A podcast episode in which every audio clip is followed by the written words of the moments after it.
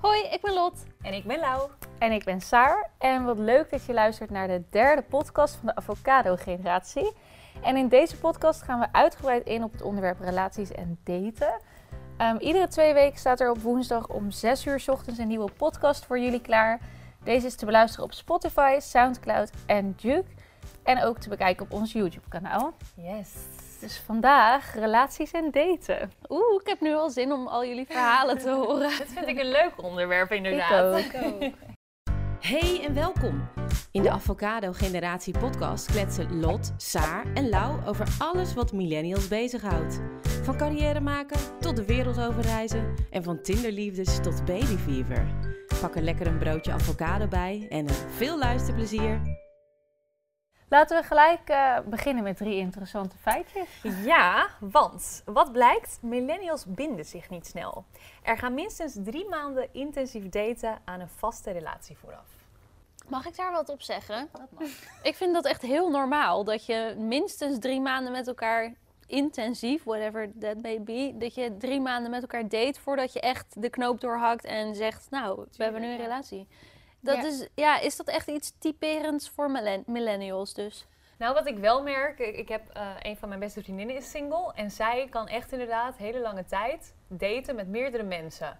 Dus laten we zeggen drie maanden of zelfs een jaar dat ze met Mhm. meerdere mensen aan het Mhm. daten is. Terwijl ik, eh, ja dat is alweer een tijdje terug, maar toen ik single was, als ik eenmaal begon met daten, ook al was het dan nog geen vaste relatie, had ik in mijn hoofd wel echt al duidelijk van, de, ja, Dit wordt het deze jongen is wel heel erg leuk en er is wel een Precies. grote kans dat Ja. het een relatie Dat moet het, het moet alleen nog uitgesproken worden van Precies, dit is ja. het. Maar ik, ja, ik ben het wel met je eens hoor, Lot. Want ik had ook zoiets van, dat is toch normaal? Want je gaat toch niet, als je iemand nog amper kent, al uitspreken van... Nou, dit is Ja. het. Ik vind drie maanden heel normaal, zelfs misschien vroeg om echt al eh, te zeggen van nou, we hebben nu een relatie. Maar maar- het, sche- het sch- het scheelt dus denk ik echt wel dat eh, het toch bij andere generaties anders is. Bijvoorbeeld bij, in de tijd van onze ouders schijnt dat dat sowieso niet zo heel vaak voorkomt. Dat je dan met meerdere mensen aan het daten was. Dus dan ben je al veel eerder Ja. denk ik aan het denken, wordt dit wat? Of ga ik door? Ja. Zeg maar, je laat het niet meer zo lang doorsudderen of zo. Als het niet wat is. Ik denk Maar- dat het eerder ja. duidelijk is. Maar als ik kijk naar mezelf, dan zou ik nooit echt ja, heel lang daten met iemand zonder dat ik er zeker van ben dat ik diegene echt heel leuk vind. Ik ben of, Nee, je kapt maar- het sneller af. Ja, ik ben of Ja. single en hè, heb leuke avondjes uit eh, en Ja. that's it. Maar ik zou zelf niet echt gaan daten met iemand die ik niet heel erg leuk vind. Oh, omdat je sneller voor jezelf hebt Ja. bepaald of het iets gaat... Oh, nu snap Ja. ik wat je bedoelt. Terwijl die Ja. vriendin van mij echt zegt van ja, nou ik vind hem niet heel leuk, maar ja, we kunnen gewoon toch even lekker naar de bioscoop gaan of wat gaan eten, wat leuks doen samen. En dat vind, zou ik zelf niet zo snel doen. Nee, in dat opzicht is dan drie maanden een soort van wel lang inderdaad. Ja. Als, je, ja, als het echt gaat om je beslissing maken. Maar ik zag het meer zo van... Totdat je er een officieel, ja, we hebben een relatie dingetje aan hangt. Ja. duurt, Het is maar net ook hoe je hem interpreteert, inderdaad. Vaste Ja. relatie als in je bent de enige met elkaar, je bent exclusief. Of gewoon dat je uitspreekt van. We zijn vrienden We zijn, vriendinnen. ja, Ja. nou, voor de rest eh, blijken millennials ook gemiddeld 10 uur per week op dating apps en sites te spenderen. 10 uur per week, jongens, jongens. echt veel. Ja, maar ja, als ik dan denk, kijk, weet je, ik heb nu een relatie, maar stel je voor, ik zou dat niet hebben. Ik zou dan echt wel, denk ik, elke avond, als ik niet iets beters te doen had, twee uur lang op de bank hangen en gewoon een beetje zitten swipen. Ik vind dat helemaal niet veel hoor. Nou, aan de andere kant, als je kijkt hoeveel uur je je telefoon op een dag gebruikt. Ja, Ja. dan verbaast het me ook weer niet. Nee, twee inderdaad. uurtjes in de avond als je toch Ja. op de bank in je eentje hangt, want je bent 10 single. uur vind ik wel echt lang. Ja, maar je hebt natuurlijk op een gegeven moment ook, dan raak je in gesprek met dat iemand. klopt. Dus dan ben je heen en dat weer aan telt ook al, dat inderdaad. telt denk ik ook. Ja, dat klopt. Ja. jullie hebben, al, hebben jullie op dating eh, apps Nee. of sites gezeten? Nee, dat bestond allemaal nog niet. eh, want toen was ik al met Marco. Ik heb wel, we hebben één keer voor de grap allebei naast elkaar op de bank. Zo triest. Toen Tinder net bestond, hebben we een profiel. Wat aangemaakt. Maar wat we ermee wilden, weet ik niet. We wilden gewoon, iedereen had het daarover. Ja, dat tuurlijk. swipen en zo. Ik dacht, ik ga gewoon even zien wat het is. En toen hebben we weer. Oh, maar dat snap ik wel hoor. Ja, ik heb wel, ja, ik heb een keertje met een vriendinnetje meegekeken en toen heb ik even een half uur voor haar zitten swipen, weet dat je wel. Maar ja, maar ik heb verder, nee, ja, ik deed vroeger wel eens chatroulette, maar dat is dan weer van een heel andere Oh, orde ja. of zo. Oh, dat ken ik ook nog wel. Dat is niet echt om te daten, dat is meer om gewoon als je er? vijftien Beetje met een keer een piemel te zien op een scherm. Weet je, als van, oh, dus zo ziet dat eruit. Oh my god, En jij, heb jij... eh, Ja, ik heb er wel even op gezeten, maar ook niet heel lang, want ik eh, begon al best wel jong met de relatie. En toen heb ik drie jaar lang een relatie gehad. Dat ging uit en toen ben ik anderhalf jaar ongeveer, denk ik, single geweest. Hm. Ehm, Hoe oud was je toen? zelfs. Eh, toen ik eigenlijk naar Cordoba ging, was ik single. Oh, dat is wel dan een leuke tijd. denk ik, ja, en net daarvoor te- inderdaad. Ja. Ja, dus toen eh, zat ik op Tinder inderdaad.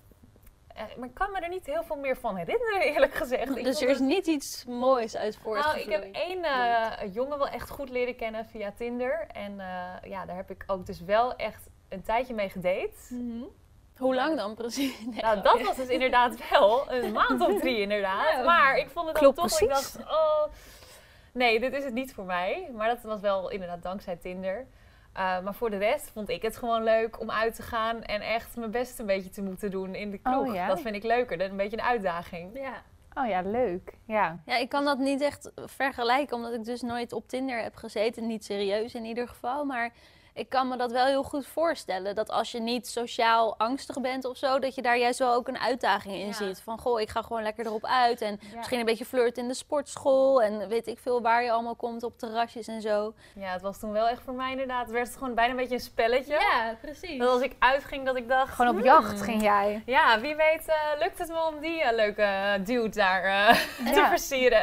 Waar ik dan ook heel benieuwd naar ben, nam je dan wel eens iemand mee naar huis? Of Oh, ga ik nu meteen Ja, te nou, juicy? ja. Nee, kom maar op met die vragen. Nee, Eh, ja.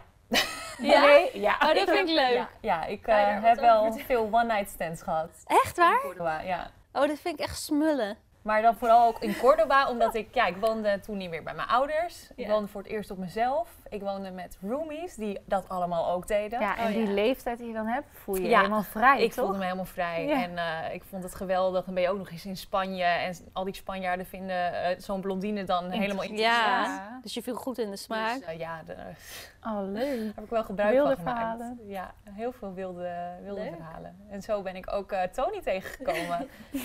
Vanuit een one-night stand, zeg maar. ja, Ja, dat kan dus wel. het is ja. nog erger zelfs. Eh, ik weet niet veel meer van die avond, want er waren ook wel echt avonden bij dat ik veel had gedronken. En Mhm.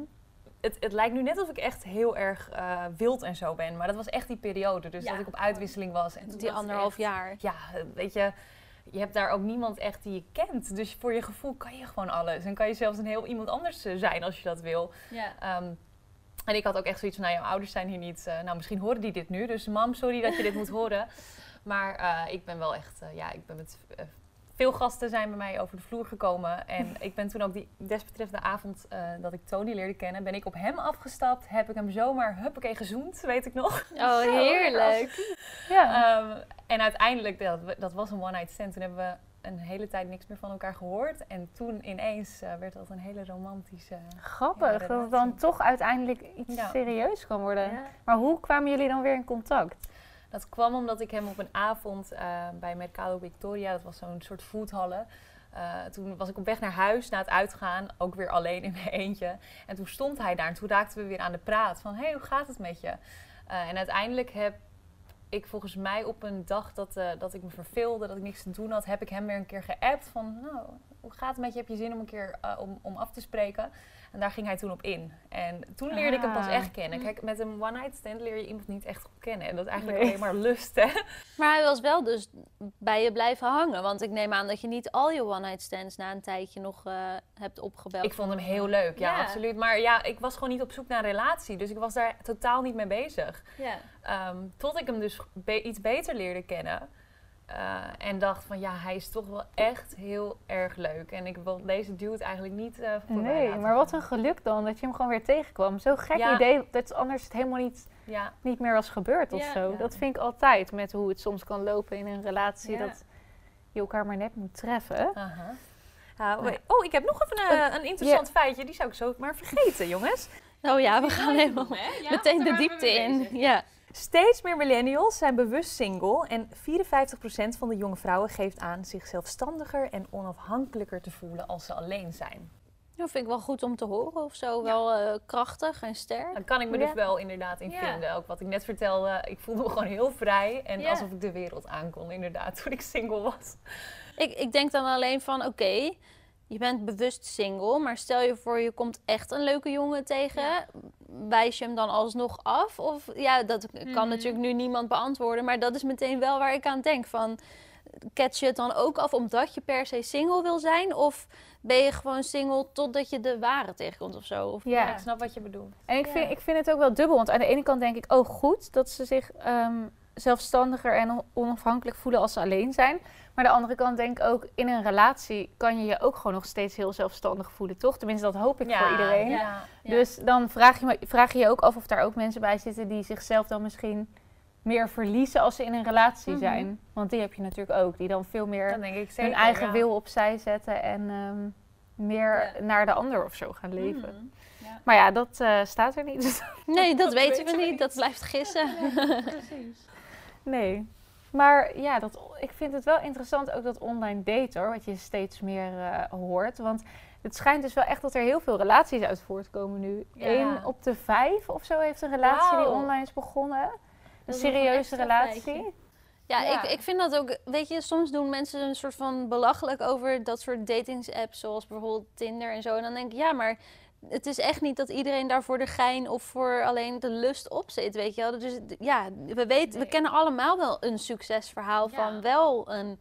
eh, Zeker. eh, ja, mensen die elkaar via Tinder zijn tegengekomen en die nu gewoon echt in relatie zijn met elkaar. En ik vind ook dat dat nu een beetje klaar moet zijn, weet je wel, dat mensen daar een beetje om lachen en zo. Ik vind het ook best wel belachelijk, want je hebt ook... Niemand zegt dat als je vriendinnen via internet kent. Ik bedoel, ik had jullie niet eens leren kennen in feite als we niet contact Ja, hadden nee. gelegd. Maar met een relatie is het opeens een soort van schaamte dan. dingetje. Wordt wel minder, heb ik het idee. En er zijn nu volgens mij ook wel Mhm. meer serieuze dating sites waar je dan ook een soort betaald profiel hebt. En dat je echt ja. wat meer info ziet, dus dat het iets minder vleeskeuring puur Ja. is. Maar wat Ja. mij gewoon heel lastig lijkt, ik heb wel eens mensen gesproken die dan heel veel online hebben gedate. En die ehm, zeggen van ja, op het moment dat je dan met iemand afspreekt, diegene die komt eigenlijk binnen en je weet gelijk, want je, je voelt aan de chemie of zo, je Ja. weet gelijk, oké, ja, dit wordt hem niet. En dan heb je zeg maar die avond, want dat kun je gewoon niet goed beoordelen op hoe iemand typt en op een foto. En dat stukje zou ik wel heel erg missen. Ja. Maar goed, er zitten natuurlijk altijd wat Nou, geluk- zei een vriendin van mij, die, dus dit, eh, die vriendin die heel veel aan het daten is, die zei dat, eh, dat ze op een gegeven moment ook met een jongen had afgesproken met wie het totaal niet klikte. Dus ze voelde zich super ongemakkelijk en ze zag ook aan hem dat hij zich ongemakkelijk voelde. Ja. Tot hij op een gegeven moment zei van, hé, hey, sorry, maar ik denk dat het gewoon niet wordt tussen ons. dus wat goed wel. ja, ik wil toch dat eerlijk zeggen. Ook in het echt, dus niet achteraf. En nou, ze zei dat vanaf dat moment alles veranderde. Toen ineens konden ze gewoon lekker hè, gezellig met elkaar kletsen. Het is gewoon die Ehm, spanning eraf ja, of zo. Maar niet als, niet als hè, wat boyfriend werkt. material. Nee. Maar gewoon alsof je met iemand in de kroeg Ja. even staat te kletsen. Dus, eh, Omdat je allebei niet meer een soort van moeite moet doen. Precies. Ja, dat snap goed. ik op zich wel. Maar ja, misschien is dat ook wel een soort van les voor mensen. Zo van, geef het gewoon aan, Ja. weet je wel. En niet Mhm. inderdaad pas na afloop van, nou, ik vond het toch niet zo. Of ik had er Mhm. andere verwachtingen bij. Ja, ik denk dat dat juist wel beter is. Dat je dan gewoon de rest van de, van de avond je niet meer, ja, niet meer zo stijfjes voor hoeft te doen of zo. Ja, dat haalt echt wel eventjes iets ongemakkelijks eraf Ja. dan, denk ik. Hoef je ook niet een smoes te verzinnen van... eh, kan je me even bellen na een half uur of zo? En Ja. als het dan niks kan ik... me- Nee, maar goed, wij hebben dus in ieder geval niet echt online date-ervaring. Maar hoe is het dan bij jou, Lot? Want jij bent natuurlijk al heel lang samen. Ja, volgens mij is dat echt wat. elke Ja. aflevering meerdere keren al aan bod Ja. gekomen. Hoeveel jaar? Dertien. Dertien. Vanaf ja. je geboorte, zei je vorige aflevering. Ja, ik maak er altijd grapjes over. Omdat men, ik kom, voorkom altijd dat mensen dan zeggen... Wow, 13 jaar. Dus ik maak er altijd maar een soort grapjes over. Maar ja, ehm, wij zijn gewoon elkaars jeugdliefdes eigenlijk. Daar komt het wel een beetje op neer. We hebben elkaar gewoon ehm, ontmoet in de zomervakantie in onze woonplaats. Ik ging dan met mijn vriendinnen ehm, altijd zwemmen en zo bij het kanaal. En dan gingen we daar lekker op ons handdoekje zitten aan de kant. En hij woonde daar in die omgeving waar wij altijd gingen zwemmen. Dus hij was daar overdag ook in de zomervakantie altijd aan het voetballen met zijn vrienden en af en toe even een duik nemen.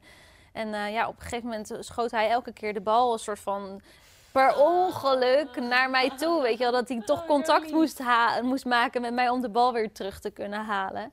Ja, en toen raakten we een beetje aan de praat. En eh, ja, we waren allemaal echt wel nog kinderen toen. Ik bedoel, ik was 15 en hij was 13, hè? Moet je even nagaan. Ik wist dat toen trouwens niet dat hij 13 was. Even voor, dat zeg ik altijd bij. Maar ehm, ja, en ik was daar natuurlijk met mijn vriendinnen, hij met zijn vrienden. Dus dat werd al snel een soort van grote vriendengroep. En de rest van de zomervakantie zijn we eigenlijk elke dag daar, als het mooi weer was, teruggekomen met z'n allen. En konden we het super goed met elkaar vinden. Dat was echt, eh, ja, het klinkt heel stom omdat ik nog zo jong was. Maar daar heb ik echt Nou, zulke leuke herinneringen oh, aan. nee, Ja. Ik vind het niet stom klinken hoor. Ik denk juist dat het ook vaak heel intens is als je zo jong bent. Dat, het gelijk, Ja, dat je gelijk helemaal erin opgaat of zo. Als Ja. zo'n jongen zo interessant en leuk is. en- Ja, ja. want ik had daarvoor natuurlijk ook wel vriendjes gehad. Maar ja, dat voelde wel echt anders. Dat was meer, nou ja, dat hebben jullie vast zelf ook wel gehad op de middelbare school. Dat je gewoon zei van, nou, we zijn nu vriendje en vriendinnetje. En je gaf elkaar een kus Ja. en je zoende wat. En misschien een keertje, oeps, dat was me per ongeluk mijn borst die je nu aanraakte, weet je wel. En een beetje voelen, maar ja, echt verder heel serieus was het daarvoor nog nooit geweest bij mij. Dus ja, met Joey Zo voelde het wel meteen heel anders. En jullie zijn gewoon samen volwassen geworden. Dat vind ik Ja. zo mooi. Ja. Echt, het lijkt me heel speciaal. Ja, dat is het ook echt. Kijk, weet je, soms vragen mensen me wel eens van... eh, nou ja, jij hebt bijvoorbeeld anderhalf jaar dan lekker... ben je vrijgezel geweest en heb je een beetje... ehm, genoten van het uitgaansleven en ook echt van je vrijgezellenleven en zo. En ik heb dat eigenlijk dus niet gehad. Ja, voor Joey. Maar ja, toen was Ja, ik dus nee, echt een 14 kind. of zo. Ja. Toen ging ik wel uit trouwens al, dat wel. Dus ik heb wel met Jan en allemaal met Jan en allemaal gezoend en zo. Maar dus dat heb ik wel op die manier een beetje ervaren. Maar ik heb bijvoorbeeld nooit een one-night stand gehad Ja. of zo. Want ja, Nee. daar was ik echt nog een beetje te jong voor, zeg maar. Ehm, dus mensen vragen me wel eens of ik dat dan heb gemist of of ik daar nu spijt van heb of zo. Maar ja, eigenlijk niet. Want ik heb er wel iets anders heel moois voor terug. Wat andere mensen dus nooit zullen weten hoe dat dan is. Om samen met je, leug, met je jeugdliefde op te groeien. En inderdaad, wat jij al zei, volwassen te worden met z'n tweeën. Dus ja, ik denk dat beide, ja, beide situaties he- heeft zo zijn eigen En hebben gewoon jullie heel anders. nooit, dat vraag ik me dan af, eh, een moment gehad dat je misschien een paar jaar terug of zo, dat je dan op een gegeven moment wel echt denkt van oké, we zijn nu al, laten we zeggen, eh, vijf of zes of zeven jaar samen. We worden volwassen. Ja. Willen we dit nog? Zijn we misschien benieuwd naar wat er nog meer eh, out there is? Of, of hebben jullie zo'n moment gehad? goed. Kan Nou, ik me zo niet- voorstellen namelijk. Niet met z'n tweeën, dat we er echt voor hebben gezeten om dat te bespreken. Want eigenlijk is dat nooit echt aan de orde geweest. Want kijk, weet je, ik denk wel, elke relatie heeft zo zijn moeilijke momenten. En je, je hebt natuurlijk echt niet altijd alleen maar eh, verliefdheid en zo. Soms is ook gewoon even een maandje iets niet leuk, weet je wel. Maar we, we zijn nooit op zo'n punt geweest dat we allebei op hetzelfde moment voelden van... Ja, werkt dit eigenlijk nog wel? Ja. Weet je? En, en ehm, ik heb wel natuurlijk af en toe gedacht van, nou, vooral toen ik nog studeerde, toen merkte ik dat ik best wel veel aandacht kreeg van jongens, jonge mannen. En ja, weet je, tuurlijk denk je dan soms wel eens van, oké, hm, hoe zou het zou het zijn, met hem? Of eh, hoe zou het zijn als ik vrijgezel was en nu eh, ervoor open stond om te daten met andere mannen, weet je wel? Ik heb daar natuurlijk wel over nagedacht, maar niet omdat het niet goed ging binnen mijn Nee. eigen relatie. Dat is denk Gewoon dat je afvraagt hoe dat bij anderen gaat. Ja, en uit nieuwsgierigheid Ja. meer. Ja. Maar we hebben allebei nooit de behoefte gevoeld om dan even een break te nemen en om te zeggen van nou, we mogen nu een jaar lang bij wijze van doen wat we willen en met wie we willen. En dan komen we 1 januari 2000 nog wat komen we weer bij elkaar. Dat, dat, nee, zo serieus is het nooit geweest. Het is meer gewoon af en toe Maar die nieuwsgierigheid. Zou je dat, ik zou dat absoluut niet kunnen. Ik zou echt daar veel te jaloers voor zijn. Van oké, we nemen een jaar pauze. Ja, ik zou dat wel kunnen, Zou je denk dat ik. kunnen, ja? ik ben niet jaloers aangelegd. Wel naar andere meiden toe, maar niet als het gaat om een vriendje met andere... Ja, dat klinkt heel gek, hè? Maar het is toch met andere maar meiden? ik zou dat toch- niet kunnen. Nee, maar ik bedoel dat ik jaloers ben op andere meiden Ah, omdat zij mooi zijn. Bijvoorbeeld dat soort Oké. jaloezie ken ik wel, maar niet zo van blijf van mijn vent af of zo. Ik, dat is meer andersom. Hij zou dat nooit kunnen, mij zo loslaten. Oh, je zou dat Wat kunnen? Ik ben echt helemaal Ja, ik- Ja, ik, ik, heb het nog nooit geprobeerd hoor. Dat Nee, kan ik nu wel heel je stoer zegt zeggen, dat maar Je, dat je erover nadenkt. Nou ja, dat je erover nadenkt. Dat je denkt dat je het zou kunnen, vind ik al... Dat vind ik ook, want ik merk bijvoorbeeld, Marco is altijd heel amicaal, dus die is heel snel best wel gezellig aan het kletsen met iedereen. En dat is ook echt wel, eh, weet je, die geeft zo iedereen een knuffel. Ja. En dat vind ik helemaal niet erg, ook niet dansen met andere vrouwen. Maar het idee dat ik hem dan een jaar zou hebben moeten loslaten, dan zou ik echt veel te veel Ja. controlebehoefte hebben met het idee van straks krijgt hij ook echt gevoelens voor iemand. Of straks verandert hij heel erg en dan kom je weer terug. En Ja, dan dat- dat- werkt het niet zegt, meer. denk ik, oh ja, dat wil ik eigenlijk ook niet. Maar, Maar dat puur het gedeelte van... eh, ik stel me dat dan zo voor. Als hij daar echt behoefte aan zou hebben om ook met andere vrouwen naar bed te gaan, om te kijken hoe dat is en om die nieuwsgierigheid een beetje te stillen, dan zou ik echt, als hij dat echt per se wil, omdat Ja. hij anders Ja, een soort van zo. niet verder kan, dan zou ik Ja. hem dat een soort van nog gunnen ook. Als ik het maar weet. En Ah, ook Ik omdat, vind hij dat is, omdat jullie anders. dat nooit gedaan hebben. Precies, ja, want hij ook niet. Hij heeft ook nooit een one Ja. night stand of zo gehad of met andere vrouwen veel. eh, Maar je hebt eh, ook mensen die dat doen hè, in hun relatie. ja, maar dan dus moet je juist een heel sterke relatie hebben en heel goed communiceren. En ik denk Ja. dat het dan echt wel kan werken als dat iets is waar je allebei behoefte aan hebt. Ja, Maar want wat- als hij bijvoorbeeld vreemd zou gaan, dan zou ik echt zeggen: oké, daar is de deur, tot nooit meer ziens.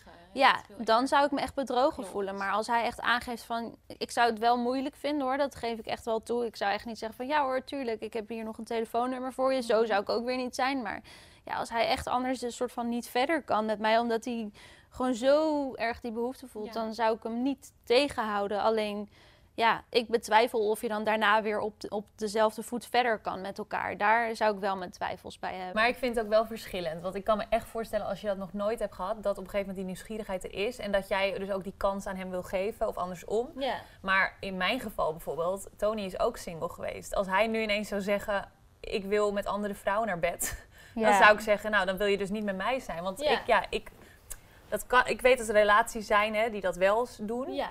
Maar ik wil gewoon ja, hem voor mij alleen hebben en Ja. andersom. Dat is Dus- gewoon je eigen standaard Precies, daarin. ja. Ik merkte ook echt wel bij eh, vriendinnetjes die dan een jaar of 18 waren, die gingen studeren in een andere stad. En die hadden dan twee jaar een vriendje. En dan spraken ze dus met elkaar af van nou, we laten elkaar nu vrij. Maar dan zag je wel dat het echt heel vaak ook gewoon, dat ze gewoon echt hun eigen weg gingen, ook daarna. Tuurlijk, ja. Want die, op die leeftijd verander je dan ook zoveel. En dan groei je dus Ja. niet meer echt samen op. Nee, En en dan, leer je ook nog heel veel andere mensen Klopt. kennen, zeg maar. Dan, ja, dan leer je om de haverklap nieuwe Ja. mensen kennen. Dus dan is het wel weer een andere situatie, denk ik.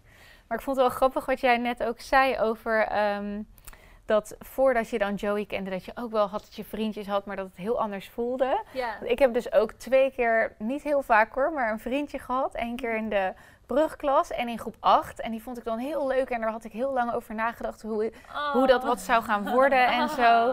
Want ik had altijd zo'n romantisch beeld van dat ik wel een vriendje wilde hebben. Alleen als dan puntje bij paaltje kwam en dan was het dus uitgesproken, vooral toen in groep 8, ik kan het gevoel gewoon nog oproepen, dan kreeg ik het Spaans benauwd gewoon. Want je- omdat je eigenlijk gewoon helemaal niet, ehm, niet dat echt verliefde gevoel had. Tenminste, dat Ja. had ik dus niet bij de jongens. En echt, hij kon eigenlijk niks goed doen. Ik, die jongen, ik dacht echt, wat blijf uit mijn buurt. Dus dat is echt heel zielig eigenlijk. Ik kreeg het gewoon helemaal benauwd. En ik weet nog met het jongetje in groep 8, dat je dan dus echt maanden zit te denken, oh, dan wordt ze mijn vriendje en dan is het zover. Ja. Dan heb ik het na twee dagen uitgemaakt. Dat ik het gewoon niet meer kon verdragen. En bij die jongen in de brugklas kon ik gewoon net zijn hand vasthouden. Maar dat is ook wel, ik heb ook wel echt een soort van rem altijd. Ik ben best wel lang gereserveerd daarin. Dus ik denk ook, eh, met Marco ben ik bij elkaar gekomen. Maar toen kende ik hem echt al lang van, Ja. van mijn bijbaantje bij de Albert Heijn. En dan waren we gewoon vrienden. Oh ja. Maar dat is echt anders, want dan groei je langzaam naar elkaar toe. Ja. En ik merkte daarvoor, ehm, ja, ik, eh, ik heb ook inderdaad eerder een relatie gehad toen ik 14 was, van anderhalf jaar. Toen was ik echt zo verliefd dat ik mezelf wel helemaal verloor eigenlijk, als ik terugdenk. En hij was eigenlijk helemaal niet zo verliefd op mij, achteraf Ja. gezien. Oh, Maar dan denk je dat het normaal is dat je je altijd zorgen moet maken van... Ja. ehm, Wil die me oh, nog wil die wel? me wel? En ik was gewoon alleen maar daarmee bezig eigenlijk. Echt bizar als ik terugdenk. Ehm, en in die anderhalf jaar tussen dat dat uitging en dat ik dan met Marco wat kreeg, heb ik dan wel wat hier en daar af en toe eens een keer gezoend met iemand. Maar echt heel weinig eigenlijk. Dus voor mij geldt ook wel een beetje dat ik ook niet eh, veel date-ervaring of wat dan ook heb. En zeker geen one-night stands. Maar ehm, Maar ik was Ja. wel altijd extreem geïnteresseerd in jongens. Ja, ik ook wel. Echt, ik weet niet waar dat vandaan komt, maar al zolang Ja. ik me kan herinneren en mijn vriendinnen weten dat dit ook zo is, ik was overal ook best wel vroeg bij. En Ja, ik vond het gewoon super interessant. En ik merk eigenlijk sinds ik met Tony ben dat ik een soort rust gevonden heb daarin. Want hoe lang zijn jullie nu samen ook alweer? Eh, wij zijn nu vier jaar samen, oh ja, dat is geloof wel ik. best wel weer. Dat is ook wel best Ja. wel weer een tijd inderdaad. En ik heb voor het eerst het idee dat ik echt, echt verliefd ben. Oké. Ik Nou, ben wel mooi. verliefd geweest, maar niet zo verliefd Nee. als nu. En dat voelt anders, Dat hè? voelt echt Ja. anders. Ja, ik kan niet Ja. uitleggen. Dat voel je inderdaad of het goed zit of niet. Ja. Ja. Ja, ik denk dus dat ik wel echt twee keer heel verliefd ben geweest. Dus ook die jongen voor Marco. Want anders was het niet eens wat geworden. Tuurlijk, ja. Dan Alleen, zou je er niet voor openstaan. nee, precies. Alleen ik weet dus dat ik het zo gewend was aan die stress. Dat ik op een gegeven moment dacht, toen ik Marco leerde kennen, was het heel snel ook heel ontspannen. Omdat ik juist die bevestiging terugkreeg, Oh, zeg ja. maar. Ja. En toen dacht ik dus, hè, maar vind ik hem dan echt wel leuk genoeg? Ging ik echt een beetje Oh, twijfelen. Dat heb ik ook wel uitgesproken naar hem. Maar het was eigenlijk gewoon precies goed. Ja. En het was heel duidelijk dat ik heel gek op hem was en in alles. Maar dat was echt even schakelen of zo. Dat ik niet de hele tijd hoefde te stressen en te wachten op totdat ik een berichtje zou krijgen en zo. Oh, maar was, dat er, soort dingen. was dit voor jullie ook, eh, wisten jullie direct vanaf het begin dat, dat, dat, goed, dat het goed zat? Of zijn jullie wel echt meer naar elkaar toegegroeid, ook qua verliefdheid en zo? Ehm, ja, ik was wel echt hotel de botel verliefd op Joey. Vanaf het begin. Voordat ik wist dat hij 13 was. Dat vond ik namelijk echt een dealbreaker. Toen dacht ik echt, oh mijn god, ik kan toch niet verkering hebben met iemand van 13. Maar nee, ja, ik was wel echt... eh, ik, want ik ben dus wel altijd mijn hele leven lang al verliefd geweest. Op iedereen, elke week een ander. Maar echt, dat ik echt, echt verliefd was. En niet zo van, oh ik wil een vriendje, wat jij dan meer had. Maar ik kon echt helemaal verdwijnen al op de basisschool. Ik ook. Ja, ja, ja, ik dacht al meteen toen jij dat zei, toen dacht ik, hé, hey, dat heb ik ook. En ook op de middelbare school, ik was echt, nou ja, elke maand wel weer had ik iemand anders in gedachten waarmee ik wilde gaan trouwen, weet je. En waarmee ik naar bed wilde en zo. En ja, maar bij Joey, ja, daar had ik dat dus ook heel erg gewoon echt hals over kop. Gewoon stapel verliefd. En toen had hij dat juist minder naar mij toe, voor mijn gevoel. Eh, maar ja, ik was ook wel echt hysterisch verliefd, zeg maar. Het is alsof je Ehm, mijn verhaal vertelt. Ja, maar eh, ja, ik merkte wel gelukkig, anders zouden we nu denk ik ook niet meer samen zijn, dat hij ook op een gegeven moment wel gewoon echt ja, mij net zo leuk vond als ik hem. En dat het bij mij in plaats van, hys- van hysterisch verliefd naar gewoon goed verliefd ging, weet je wel? Ja, wat stabieler gewoon. Ja, dat het wat meer in balans kwam allemaal. Ja, Ik ben het precies hetzelfde gewoon. Als ik inderdaad eh, verliefd ben, nou, dan, dan draait alles helemaal om die jongen heen. En zet alles opzij. ja, absoluut. En dat had ik dus ook in, eh, met Tony had ik dat. Toen zat ik nog in Cordova, nog een maand. Eh, maar toen Och. zag ik niemand meer van mijn studie. Ik was elke dag bij Tony te vinden. Compleet hotel de botel verliefd. Ehm, maar ik denk wel, we zijn nu vier of zelfs vijf jaar. Ik weet niet eens hoe lang we samen zijn. Vier, Best ah, vijf jaar, tijd. Vier en een half jaar zijn we.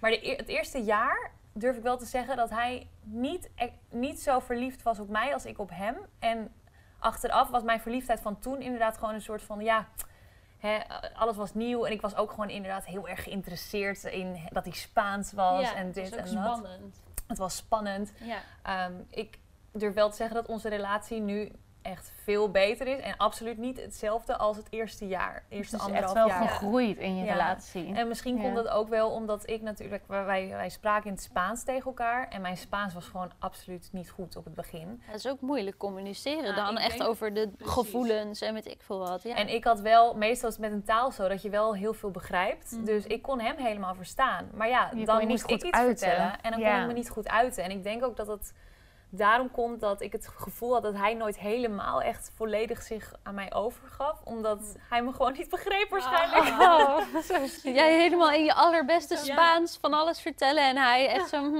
hmm, Ja, je wat zegt ze nou? Maar wij hadden op het begin Ja. ook best wel veel ruzies. Juist daarom, Oh ja. omdat ik dacht dat hij me dan niet begreep. Of hij begreep me echt niet. Echt frustratie Ja, echt frustratie was het. Ja. En uiteindelijk is dat dus... eh, ja, nu durf ik echt wel te zeggen dat hij extreem gek op me is. En, eh, en ik ook op hem natuurlijk. En het, is gewoon, het voelt allemaal wat kalmer. En Zo wat fijn is dat je een beetje rust vindt in je Ja. relatie. Ja. Want Ja. dat wilde ik net ook aan jou vragen eigenlijk, maar ik kan het nu ook aan jou vragen. Want zijn jullie nog wel eens bang dat hij je niet meer leuk vindt? Mm, nou, eigenlijk nee. Ja, dat klinkt heel stom, maar ik weet en zie gewoon zo erg aan Marco dat hij ja, heel dol op me is. Mhm. En Ja. natuurlijk heb ik echt wel eens af en toe zo'n gedachte of moment, maar dat is echt Hormonaal. hormonaal en heel kort, maar echt nee. En ik heb dat eigenlijk ook niet heel sterk gehad. Ehm, wel is het zo dat ik denk, ik was 17 toen we wat kregen, bijna 18. En toen spraken, waren we veel meer in het moment bezig. Dus we hadden het nog helemaal niet zoveel over hoe we de toekomst of zo zagen. Nee, is ook wel En ik- logisch op die Ja, het is wel logisch, maar daardoor zie je wel vaak, tenminste dat zie ik nu ook echt bij vrienden om ons heen. Er gaan best wel veel stellen die echt lang bij elkaar zijn, gaan dan toch uit elkaar op een gegeven moment. Ehm, omdat je dan op een gegeven moment op een soort punt komt dat je misschien wel erover gaat praten. en in het begin ja. denk je van, oh, maar misschien verandert een van de Mhm. twee nog van mening. Of misschien wil ik het toch ook niet zo graag. En dan heb ik het over een stap zoals kinderen bijvoorbeeld, ik noem maar wat. Dat kan echt. En dan kan dat natuurlijk wel een soort Ja. dealbreaker worden. Natuurlijk. Ja. Dus dat is wel weer, ja, dat is wel weer even heel wat anders. Maar ehm, nou ja, ik denk wel dat dat ook is waardoor heel veel relaties dan toch ehm, na meerdere jaren wel stoppen eigenlijk. Ja. Maar in ieder geval heb je nu niet meer die soort van onzekerheid over Nee. het algemeen. dat die je ik misschien. helemaal af Ja, ik dacht ik kom weer even terug op de vraag die ik stelde, want ik ben ook benieuwd naar Laura's antwoord. Nee, dat geeft toch helemaal niet. Heel vaag. Ja, Ik was zelf ook vergeten waar ik mee begon. Ja. maar Lau, vertel. Nou, ik, heb in, ik weet zeker dat hij verliefd op is. En dat hij... Nee, ik ben niet bang op dit moment dat hij eh, eh, met een andere vandoor gaat. Of dat hij mij achterlaat of het niet meer wil. Eh, wat ik wel heel erg heb, is dat ik... Ja, door wat ik om me heen zie en zo en de verhalen die ik hoor... Ben ik, geloof ik gewoon niet echt meer in, in eeuwige liefdes. En dat vind ik heel Oh. erg jammer. Want ik, ja, ik ben dus zo iemand die inderdaad er helemaal voor gaat. En ik weet Ja. zeker dat ik het wel zou kunnen. Maar ik heb gewoon het, alsof het vertrouwen in de mensheid. ja ik vind dat Eh, helemaal nee, niet bij jou Nee, passen. ik heb ook. altijd zoiets van, ik ben dan eerder bang van, als ik stel we trouwen, zullen we over twintig jaar nog samen zijn? Daar ben ik bang voor. Ik ben Mm. bang dat op een gegeven moment iemand een soort van midlife crisis krijgt of dat er Ja. iets gebeurt. Eh, en dat heb ik wel heel erg. Dat ik denk, is het nog mogelijk anno 2020 om echt inderdaad totdat je oud en grijs en gerimpeld bent bij elkaar te blijven? En dat wil ik zo graag dat ik er dus een beetje bang voor ben. Ik ben gewoon Mm. bang om teleurgesteld te worden daarin. Ja, want je weet het Ja. gewoon nooit. Maar, is dat erg? Nee, Ja. dat is dus denk ik ook niet erg. Nee. Maar ik heb die onzekerheid wel. Dat ik denk, oh, ik hoop gewoon heel Ja. erg dat Je wil het gewoon heel duurt. graag. Ja. Mhm. Maar het is niet dat je daar nu al zorgen om Nee, maakt. Zo van hoe lang gaat het nog duren? Want het moet en zal vast een keertje misgaan of zo. Dat, zo is Nee, het dus niet. nu echt, ik heb het echt dan over de, hè, de lange termijn. Dus nu heb ik Ja. echt gewoon het gevoel dat we, ja, dat we geweldig leuk samen zijn. En dat we het heel leuk hebben. Ik durf ook wel te zeggen dat ik met hem wil trouwen. Ik wil graag trouwen. Mhm. En ik zie hem ook echt wel als de man waarmee ik wil trouwen. Eh, en kinderen zelfs mee wil krijgen als dat ons Ja. gegund is. Mhm. Ehm, maar ik hoop gewoon, ja, dat, dat klinkt gewoon. Soms heb ik ook, ik weet niet of jullie dat hebben, dat het bijna te goed gaat allemaal. Dat ik denk, Ja. het moet wel een keer fout gaan, want het gaat zo goed. Dat kan toch bijna Ja. niet? Wij zijn daar wel een beetje voorbij al. dat klinkt heel stom misschien, maar... Nee, tuurlijk. Nee. Ja, wij hebben echt wel eh, ook flinke downs gehad in onze Mhm. relatie. En dan niet van maandenlang, maar wel echt, ja, dat het soms gewoon even een paar weken alleen maar irritatie is naar elkaar. En Ja. dan heb je inderdaad eventjes zo'n bevlieging van, nou zeg, is dit het nou, weet je wel? Maar ja, als het daarna dan weer eh, vijf maanden lang helemaal koek en ei is en wel helemaal Ja. perfect is weer, dan... Nou ja, perfect is het nooit, maar je snapt wat ik bedoel. Dat Ja, er dan- Balanceert weer uit ja, of zo. Weet je, Ja. ik denk ook niet dat het erg is als het even een keertje eh, twee weekjes wat minder goed gaat. Nee. Ik denk dat je dan, tenminste dat, dat merk ik bij ons wel. Dat hebben we gelukkig niet heel vaak hoor, van die twee weken dat het even niet zo goed gaat. Maar ja, soms zit er wel eens een weekje tussen dat bijvoorbeeld hij heel veel stress heeft van zijn werk. En dan komt hij thuis en dan reageert hij dat een beetje op mij af. En dan vind ik dat niet eerlijk dat hij dat op mij afreageert. Ja. En dan ga je een soort van ja, botsen. En dan, eh, het gebeurt ook wel eens andersom. Dat ik bijvoorbeeld heel veel campagnestress heb. Omdat er dan alles tegelijkertijd online moet. Nou, dat kennen jullie Mhm. vast ook wel. En dan, ja, dan merkt hij aan mij dat, eh, dat ik eh, druk in mijn hoofd ben. Zo noemen wij dat altijd. Maar dan wil ik dat niet toegeven. Want alles is goed hoor. En dan Ja. zit hij zo van, ja, zeg het nou maar. En dan gaan we daar weer een beetje op botsen. En soms is dat gewoon even een tijdje... Voel je gewoon van die irritatie naar elkaar toe. Maar die is dan eigenlijk niet ontstaan...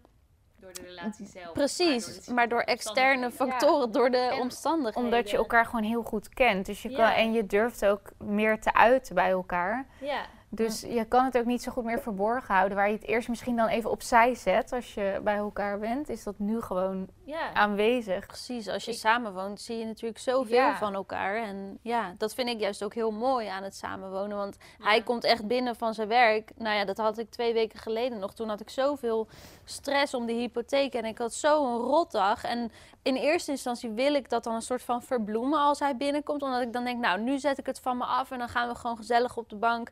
En dan hoef ik daar niet meer aan te denken. Maar hij komt binnen en hij ziet het gewoon meteen aan. me. En dan zegt hij, Lot, wat is er? Nou, en ik...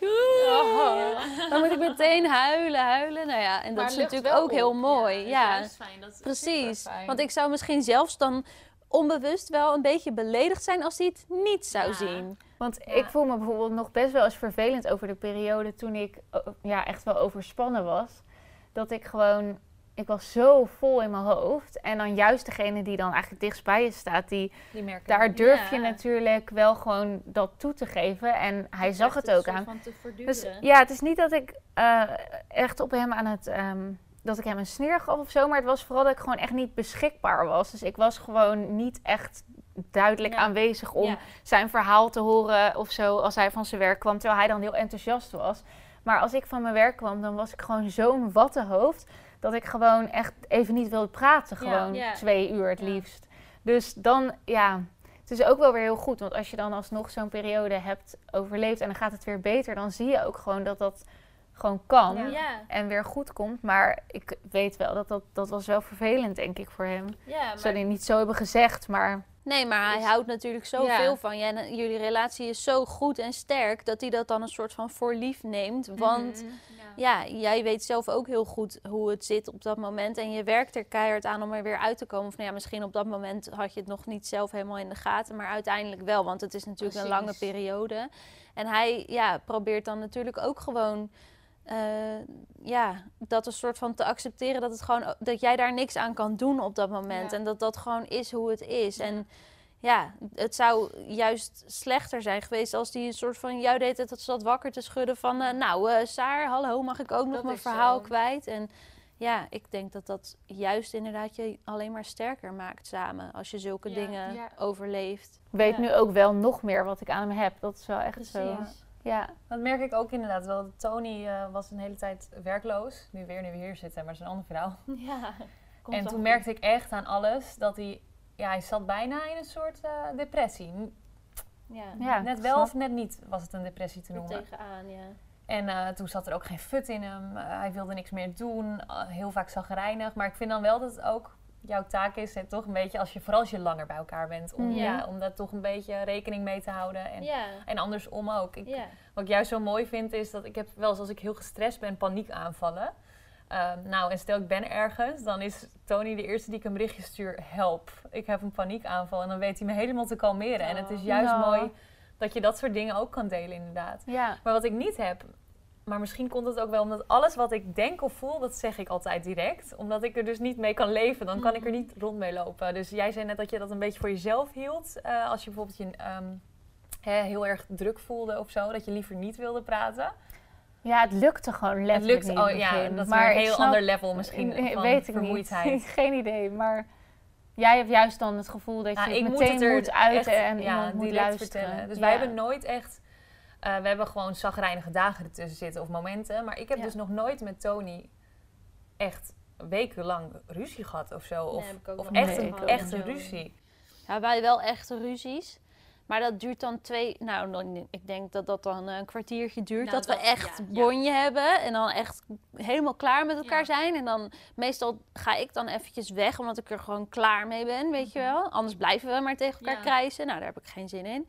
Dus ik ga dan meestal eventjes naar de slaapkamer of zo. En dan ben ik daar nog even boos in mezelf, weet je wel. Ja, en dan helpt, zeg ik tegen mijn kussen dat hij een eikel is en zo, weet je wel. En dan, nou, dan blijf ik daar even een half uurtje of zo. En dan ga ik uiteindelijk weer terug naar de woonkamer. En dan zijn we nog steeds boos op elkaar. Want je kan natuurlijk, Ja. als je echt ruzie hebt, dan blijf je ook gewoon wel eventjes boos. Maar dat laten we dan gewoon. Dat is een beetje onze manier. En dan zijn we wel in dezelfde ruimte, maar we, laten, we doen wel allebei ons eigen ding. Dus ik ga Ja. dan bijvoorbeeld nog even wat voor werk doen of even YouTube-filmpjes kijken. Nou, hij zet dan de tv aan, weet je wel. En dan laten we elkaar gewoon eventjes met rust en even bijkomen. En dan na twee uur of zo, meestal ben ik dan wel degene die dan de eerste stap zet. En niet omdat ik het niet aan kan, maar omdat ik dan gewoon zoiets heb van, nou, dit slaat nergens op, weet je wel. Nu moeten we gewoon weer even Oh. normaal doen. Nou ja, en dan meestal staat hij daar dan ook wel voor open, een soort van, uiteindelijk. Dat kan ik dus niet. Maar, Zolang het negeren. Nou, niet, het is niet negeren. Het is juist goed wat jullie doen. Ja. Maar ik ben dan dus Ja. echt zo een irritant iemand die gewoon het direct goed wil maken. Dus alsjeblieft, doe weer lief tegen me. ja. Want Oh. ik- Oh, dat is wel schattig. ja, en eh, mijn vriendinnen bijvoorbeeld, die, die lachen er altijd om. Ik heb nog nooit ruzie gehad met een vriendin.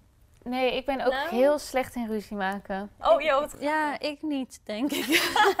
Ja, ik vind soms ruzie wel Ja, eventjes... jij bent ook directer, denk ik. Ja, soms denk ik ook, ja, dat zei ik net nog tegen jou, zo van, oh jee, Ben ik te was, direct? ja, ben ik te direct geweest. Maar ja, naar Joey toe ben ik denk ik niet per se te direct. Hij is wel heel direct naar mij, maar ik kan dat ook wel goed handelen of zo. Ja. Alleen soms dan is hij dan voor mijn gevoel onredelijk en dan kom ik gewoon voor mezelf op, weet je wel. Dan heb ik gewoon zoiets van, wij hebben nooit Ja. ruzie omdat er echt een probleem ontstaat of zo. Maar ik vind gewoon dat hij soms onredelijk is. Als hij bijvoorbeeld stress heeft van zijn werk, dan hoeft hij dat niet op mij af te reageren, weet je wel. En dan da- over zulke dingen krijgen wij dan ruzie. Ja. Wij hebben gelukkig ook nooit echt heel heftige ruzies. Ja, maar ik vind het ook helemaal niet bij jullie passen. Nee. Maar soms is dat lastig hoor, want wij zijn dus allebei helemaal geen personen die snel ruzie maken. Ook niet met vrienden of wie dan ook. Maar, eh, en er zijn gelukkig ook geen grote dingen geweest waar dat eh, voor nodig zou zijn. Nee, maar ook met, wel. ook met kleine dingen kan het soms toch wel goed zijn, denk ik, om af en toe het even Even te laten knallen. afblazen. Want Ja. wat dus vaak de manier is van Marco, is ehm, die weet dan niet hoe hij ermee om moet gaan. Oh ja. En dan gaat hij gewoon een soort van stilzwijgen. Dus het is niet dat hij Oh, negeert, maar hij weet dus dat hij eigenlijk Op iets moet ja. zeggen. En hij gaat echt niet beginnen. Oh, en niet, omdat hij, niet, met, vinden. niet omdat hij het niet met me eens is of zo, dat Ja. niet.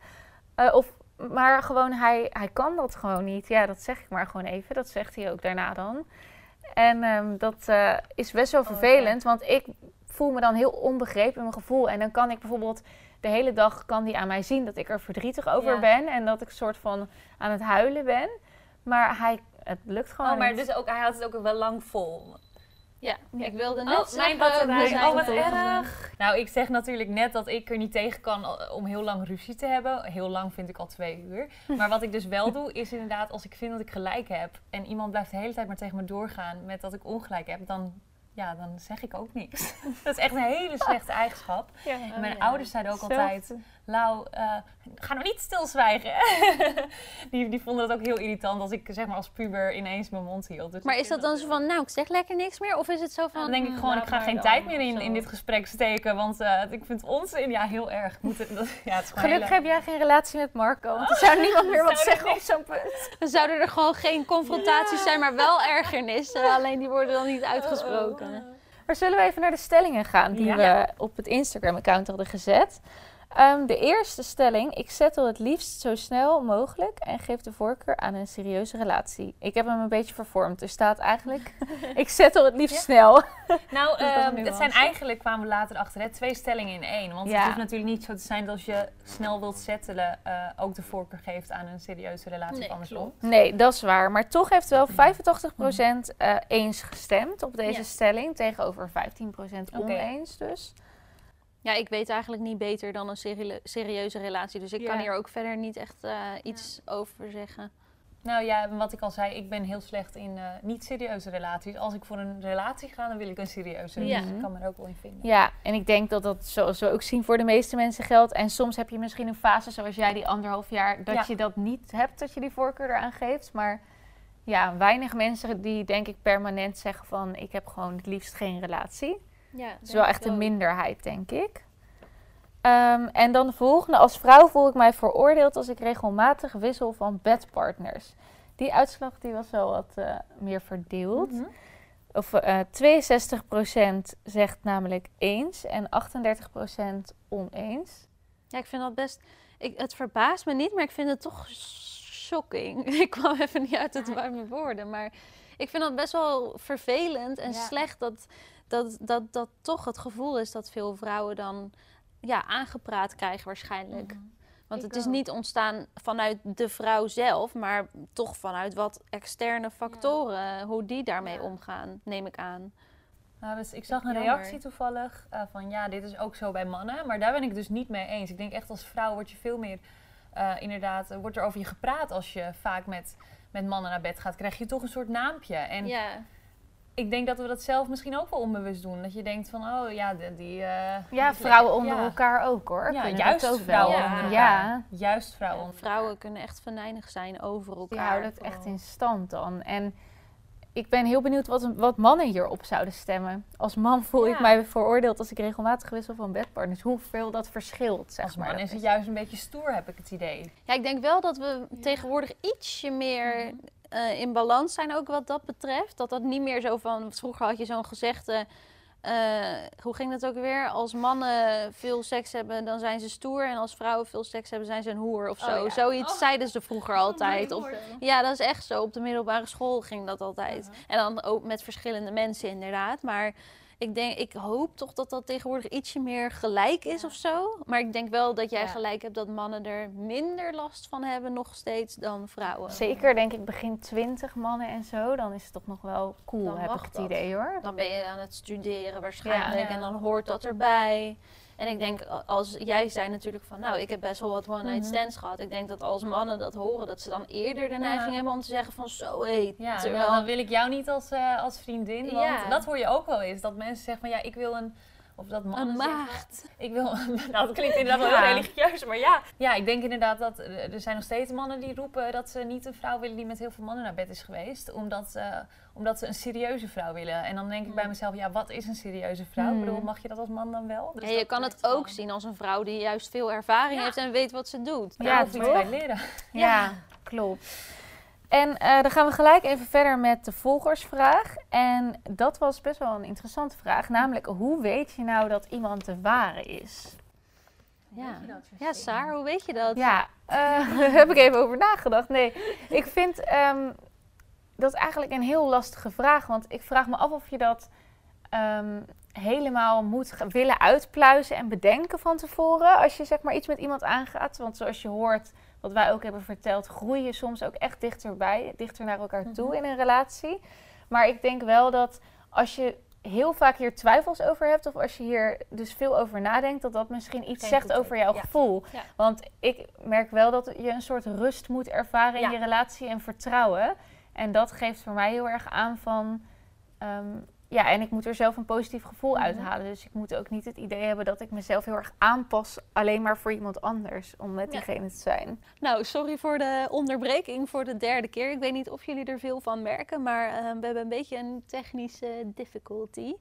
Maar goed, ik was aan het zeggen dat ik eh, daar nog aan wilde toevoegen dat als je continu het gevoel hebt, ehm, zo van, goh, wat is er nog meer? En is dit het nou eigenlijk wel, dat dat dan eigenlijk ook al wel een teken is dat je of nog niet helemaal klaar bent om je te settelen, denk ik, of dat deze persoon toch niet de juiste voor je is. Maar ik denk niet dat er een soort formule is waardoor je weet of iemand de ware is. Maar we ervaren wel alle drie, dat vind ik dan wel grappig, dat gevoel van rust. En dat we toch inderdaad wel het idee hebben dat niet alleen wij die persoon heel leuk vinden, maar andersom ook. Dus Ja. dat, Ja. Dat is wel belangrijk, blijkbaar. Ja, en dat is dan voor mij, zou, ik zou, je zou mij niet zo snel horen zeggen: Oh, Joey is echt de ware. Maar ik zou wel zeggen: van dit is degene met wie ik, zoals het er nu uitziet, mijn leven wil doorbrengen. Ja. Dat is het meer. Heb jij er nog wat aan toe te voegen? Nee, ik ben het helemaal met je We eens. zijn heel eensgezind hierin. Ja, Mooi. Goed. Hoe zit het trouwens bij jullie met de rolverdeling? Wie doet de was? Wie eh, kookt er? Ja, bij mij, mensen hebben daar bij mij altijd wel een mening over. En dat vind ik soms wel vervelend. Maar bij mij is het wel het geval dat ik het meeste in het huishouden doe.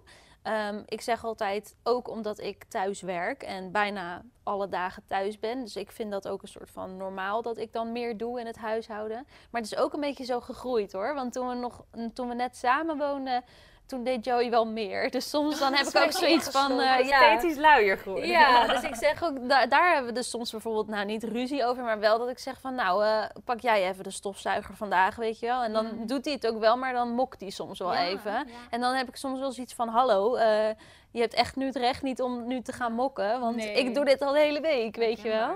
En mensen hebben er een mening over, dan bedoel je volgers. Of Ja, niet? en dat vind ik soms wel irritant. Want kijk, weet je, ze hebben natuurlijk wel een soort van gelijk dat ik meer doe. Maar dat betekent niet dat, dat hij slecht is of zo. Of Ja. dat onze relatie oneerlijk is of niet in balans. Want weet je, Joey doet weer andere dingen die ik echt niet leuk vind om te doen en die ik liever niet doe. Ik noem altijd het voorbeeld dweilen. Ik heb echt een hekel aan dweilen, dus dat is zijn ding. En de ramen lappen, dat hoeft dan niet zo vaak, maar dat doe ik gewoon niet. Dus dat is zijn ding. Dus we hebben echt wel dingetjes die hij op zich neemt en dingen. Ik heb dan meer dingen die ik op me neem, maar ook omdat ik dat niet erg Ja, vind. En omdat het gewoon zo werkt, inderdaad. Ja. Ja, weet je, als, als hij nog moet koken als hij thuis komt, dan eten we voor ons doen best wel laat. En ik vind het gewoon fijn als, we, eh, als hij thuis komt, dat hij gewoon lekker kan aanschuiven. Ja, en dat is dan ouderwets en eh, traditioneel. En Maar zo, ook gewoon lief en zorgzaam, ook- toch? Precies, wij vinden dat fijn zo. Dus waarom is dat dan slecht of zo? Weet je, dat vind ik soms wel. Dan voel ik me wel echt een beetje aangevallen als mensen dan zeggen van jeetje, eh, je bent veel te lief voor Joey. Dan denk ik ja, maar jullie zien niet dat hij ook eigenlijk voor mij heel lief is, alleen dan op andere manieren. Niet per se door mij te verzorgen. Ik krijg precies hetzelfde te horen Ja, ook in de reacties. Ja, en wij hebben ook best wel een ouderwetse rolverdeling.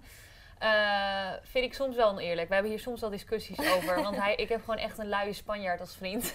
Ja, Joey is ook lui hoor in het huishouden. Eh, Dat hij is zo. echt gewend. Hij is een moeders kindje, mama's kindje. Alles werd voor hem gedaan. Hij is ook nog eens het jongste kind. Eh, maar bij al zijn vrienden is het ook zo dat de vrouw echt alles doet. Maar Hmm. in het dorp gaat het gewoon zo. En werken de vrouwen meestal ook niet. Maar ja, ik werk meer dan hij Ja. werkt. Ehm, dus dat vind ik best wel lastig af en toe. En zo, om een voorbeeld te geven. Gisteren bijvoorbeeld had ik eh, geen tijd om de was op te hangen. We hebben geen droger, dus dat moet opgehangen worden. Same. Dus ik zei, kan jij dat alsjeblieft even doen? En dan, dan doet hij het wel, maar dan wordt het toch gezucht. En dan denk ik, ja, waarom zucht je Oh, nou? Daar ja. ging ik ook op door. Van, ja, waarom die zucht? Weet je, je doet het nooit. Voor, voor één keertje kan je toch wel Ja. wat doen. Dus ik vind dat wel moeilijk. Maar aan de andere kant ben ik ook weer zo... dat als hij stofzuigt, vind ik weer dat hij het niet goed doet. Oh ja, nee, dat Oh, doe echt? ik niet. Ja, dat is gevaarlijk, hè? Want dan doet hij het de volgende keer niet meer. Nee, ja, ik moet zeggen dat ehm, Marco eigenlijk best wel veel doet en helpt. Ehm, Ja. Sowieso, hij houdt heel erg van koken. Ehm, en hij vindt dat zo ook echt wel een soort van ontspanning om te doen. en Oh, wat voor mij is koken dan denk ik echt timing en pannen en huh. Dus Ja. ik doe juist koken het liefst als ik een wat rustigere dag heb gehad. Oh ja. Ehm, dus ik, we koken ongeveer denk ik 50-50, misschien hij iets meer. Oh, En in het huishouden is het wel dat hij helpt, maar ik doe wel het meeste ook omdat ik het gewoon zie, want ik zit erin te werken. Precies. dat hebben we En ik stoor me ik. eraan. En, Ja. Maar als ik hem bijvoorbeeld vraag van... Goh, eh, kan je dit weekend even helpen met eh, de badkamer Ja. of zo? Dan zegt hij, oh, is goed. Maar hij ziet het zelf gewoon niet eh, wat er moet gebeuren of zo. Maar ik, ja, hij klaagt eigenlijk nooit. Dus dat is wel heel lief. En aan de ene kant denk ik, waarom moet ik dat heel lief vinden? Want ik vind ja, het ook weer heel ook normaal. zo? Want ik wilde bijna Ja. zeggen, ik mag een soort van heel blij en gelukkig daarmee zijn. Maar dan denk ik, ja, dat, Zegt, dat zeggen niet veel mensen. Als eh, ze horen hoeveel jij bijvoorbeeld dan eh, doet, dan zouden misschien veel jongens niet zeggen van... Oh, wat fijn dat Lotte Ja, zoveel dat vinden doet. ze eerder, dat neem ze voor lief. vrouwen. Ja. veel vrouwen zeggen dan van jeetje, wat ben je lief voor Joey. En doet hij ook wel eens wat terug. En dat vind ik altijd een beetje een rot opmerking. dan Naar, denk ik, ja. ja. weet je, hij maakt ook eh, wel eens op zondag voor mij de lunch, weet je. Maar het is meer door de weeks. En dat is wat de meeste mensen zien bij mij. Omdat ik op zondag sowieso al niet vlog, weet je wel. Mhm. Maar door de week, ja, dan, dan is het inderdaad zo dat ik het meeste doe. Maar ja, wij zijn daar prima mee. Dus waarom zouden andere mensen daar niet prima mee zijn? Dat stoort me dan soms wel. Ja. En, Maar ik, ja. ik heb zelf dat ik echt heel erg pietje precies ben. Dus voordat ik naar bed ga, wil ik dat de keuken helemaal schoon is. Dat de woonkamer, eigenlijk gewoon dat de hele woonkamer helemaal schoon is. Zodat ik daar 's ochtends lekker kan gaan zitten en direct aan mijn werk kan gaan. Heerlijk. En ik ja. snap wel dat voor Tony, ja, weet je, hij werkt niet thuis. Dus dan is het zo van, ja, maar waarom moet dat per se nu gebeuren? En ik ben wel heel erg van, ja, je moet het echt nu doen. En hij wil het dan op dat moment niet doen, dus doe ik het. Maar ik snap ook wel dat ik een beetje ja, overdreven daarin ben. Eh, want het hoeft inderdaad niet per se op dit exacte moment. Nee, Maar nee. ik herken dat gevoel soms wel hoor. Dat iets dan wel meteen moet. Ja. En anders eh, Ja, dat is gewoon denk ik echt Ja. het belangrijkste. Dat je je gewoon allebei kan vinden in hoe de verdeling Ja. is. Ja, en het maakt niet zoveel uit wie dan het meeste doet. Maar Nee. dat je daar gewoon over eens bent. Dat vind ik ook inderdaad het belangrijkste. Want het is wel zo dat als ik echt eh, moe ben of eh, niet kan of niet wil, dan doet hij het. En, dat, Ja. en dan heb ik ook wel het Precies. idee dat hij ineens door heeft hoeveel ik eigenlijk hè, Ja, ja. Dus eh, inderdaad, dat, dat- ja. En, en ik heb nog een kleine vraag om daarop in te haken. Want je zei van, nou ja, Tony is natuurlijk nu werkloos. Tijdelijk, omdat jullie in Nederland nu net wonen. Maar in Spanje was hij ook een tijdje werkloos. Dus dat betekent dat jij eigenlijk degene bent die Ja. Brood op de plank moet zien te krijgen. Maar is daar nog een soort, want dat heeft natuurlijk ook een beetje met die traditionele Mhm. rolverdeling te maken, dat dat meestal Ja, een beetje andersom ehm, is. Ik had het net ook even over dat Tony een tijdje best wel depressief was. Ja. Ehm, ik denk dat dit er ook zeker mee te maken had. Het feit dat hij niet, ja, geen eigen geld had. En dus helemaal van mij afhankelijk was. Maar Moeilijk we zijn nu toch al echt wel een tijdje samen. En we, ja, we voelen ons zo onszelf bij elkaar dat dat eigenlijk geen probleem is. En ik zit zo zelf ook niet in elkaar. Dus ik vind het komt echt totaal geen probleem dat hij mijn geld uitgeeft. Nou ja, hij gaat niet, hè. eh, eh, het lijkt trouwens in mijn video's als, alsof Tony altijd winkelt. Oh nee, dat vind ik helemaal niet hoor. Nee, nee, nee, absoluut niet. Nee, maar ik vind dat niet erg. En ik vind het ook logisch dat ehm, eh, toen hij geld verdiende, verdiende hij minder dan, dan dat ik deed. Dat hij dan bijvoorbeeld iets minder meebetaalt aan. Aan Ja. de huur. Of de, we hebben En gewoon dat- een eerlijke rol. Dat vindt hij ook oké. want je hoort natuurlijk dat Ja. soms mannen daar best wel moeite mee hebben. Nou, hij heeft niet Ja. echt veel keus. Hij, ik Dat merk wel zo, dat hij er ja. moeite mee heeft. Ja, absoluut. Maar ik vind het zelf niet erg. Ik heb zoiets van, wat van jou is, is van mij. Want Ja. ik wil Ja. met jou toch wel heel lang blijven, Mm. heb ik Ja. het idee. Ehm, dus ja, beantwoord dat een beetje je vraag. ik Ja, weet niet ja, eens meer wat je vraag was. Ja, nee, was dat was Ja. een- inderdaad een beetje de vraag. Omdat we natuurlijk ook het hadden over die traditionele rolverdeling in het huishouden. Maar geld hoort daar in mijn ogen Ja. ook een beetje bij. Want daar hoor je toch ook wel vaak dat een man Ja. de grootverdiener is. Maar dat is bij ons in het huishouden ook niet zo. Nou, wij hebben hier trouwens wel een keer een serieus gesprek over gehad. Met oog op de toekomst. Stel we, eh, we krijgen kinderen. Mocht het dus ooit lukken. Zijn we nu nog niet aan het proberen. maar goed, hè. ehm, ja, over een jaar of, of drie misschien dat we dat wel een kans geven. Of vijf. Je weet het niet. Eh, ik vroeg hem van, sta- zou jij ervoor openstaan om, om een soort van huisvader te worden? Want ik verdien Ja. meer dan, dan jij doet. En ik vind mijn werk heel belangrijk en heel leuk. En ik ken mezelf, zelfs al zou ik dit werk niet doen, dan heb ik weer een andere uitdaging nodig op werkgebied. En daar stond hij wel voor open. Hij zei eh, inderdaad dat hij eh, het idee van een huisvader zijn, of in ieder geval parttime, Ja. juist wel ook heel Wat leuk zou goed vinden. dat je daar ook al goed- over hebt gesproken. Ja, Dat is wel fijn. Dan moet Ja. hij toch een beetje van zijn luie Spanjaarden imago af. ja, Ja, want wij hebben inderdaad ook wel qua financiën echt verschillende tijden gekend. Als in een tijd dat Marco nog studeerde en dat ik eigenlijk vooral verdiende. En nu is het weer wat meer gelijk. En dat hebben we ook altijd zo eigenlijk berekend in de gezamenlijke lasten. Dat gewoon de ene keer de een dus meer betaalt. Ja. Omdat dat gewoon op dat Ja. moment handiger is. En de andere keer de ander. Ehm, dus dat is wel heel erg fijn. Maar ja, ik merk wel dat hij ook inderdaad wel open staat. Nu bijvoorbeeld zegt hij ook, ja, ik wil echt een dag minder werken om ook betrokken te zijn bij ehm, de opvoeding ook van onze dochter. Hij vindt het ook heel leuk om dan een doordeweekse papa-dag te hebben. ja, zeg maar. ja. ja, dat vind ik Dat echt leuk. fijn. Want dat hoorde je vroeger toch echt gewoon veel minder. ja, zeker. Ja. Ja, ik vind nu juist een soort van heftig zelfs als een vader dat niet heeft. Dan denk ik Mhm. van wow, maar dan zie je dus je kleine eigenlijk alleen maar s'avonds laat. Jongens, er gaat een soort eh, ja, stoomwolk ineens komt er uit de muur. Als vaders hun kind alleen bij het naar bed brengen zien of nog niet eens. En dan ja, zaterdag en zondag, dat vind ik zelf heftiger. En nou ja, gekker is niet een goed woord, want soms kan het ook gewoon niet anders, weet je wel. Maar dat lijkt me, ja, ik vind het juist logischer als een vader, als een man wel één dag in de week. de Nou, Tony is dus zo opgevoed. Echt met een hele strenge vader die dan... Ja, ja, Ja. hij werkte en moeder was thuis, Ja, die zo kookte. bij ons ook hoor. Ja. Oh ja, nee, bij mijn ouders was het wel een beetje... Nou ja, mijn moeder was wel meer thuis, maar wel dat ik voor mijn gevoel ja, een even goede band heb met mijn vader als mijn moeder. Terwijl ik bij mijn vriend merk dat hij toch wel iets meer... eh, ja, ik, ja, die vader heeft echt meer gezag Ja, en meer te zeggen in de familie. Oh. Dat hij daar Ja. meer naar opkijkt en Ja. moeder is meer, oh mama. Dat Ja, was bij, ja. bij, bij ons niet echt zo erg, maar wel zo dat mijn vader gewoon echt heel veel weg was aan het werk. Dus Ja, hij kwam ja. heel vaak, dan waren wij al klaar met eten en dan werd Oh, zijn, zijn bordje in de magnetron gezet. Oh ja. Dus dan mis je echt wel elke keer dat moment. En in het weekend deed hij dan wel leuke dingen en zo met ons, maar wel echt door de week draaide mijn moeder wel het hele huishouden Ja. en alles. En, Ja, het is eh, toch wel fijn dat dat dan tegenwoordig veel snel een beetje veranderd. anders Ik, ik was En- zelfs wel positief verrast dat Tony dus zei dat hij dat zelfs leuk zou vinden Superleuk. om meer thuis te zijn. Eh, is niet van toepassing nu, maar ja, het is goed om te weten. Want ik zou dat dus echt niet kunnen, zo'n traditionele rolverhouding, eh, rolverdeling wat betreft eh, de mama en papa rol. Dat Mhm. vind ik best wel heftig inderdaad. Ja. Nou, dan denk ik dat het nu ook wel een mooi punt is om hem eh, af te sluiten. Want we hebben echt al heel wat ge- afgekletst over dit onderwerp. hebben zoveel te vertellen, hè? Ja, ik zou nog uren door kunnen kletsen hierover met Ik jullie. En volgende afleveringen vervolgen. Precies. In ieder geval ehm, hopen we natuurlijk dat jullie het weer interessant vonden. En ehm, de volgende keer dan gaat, gaan we het uitgebreid hebben over het onderwerp gezond eten en sporten.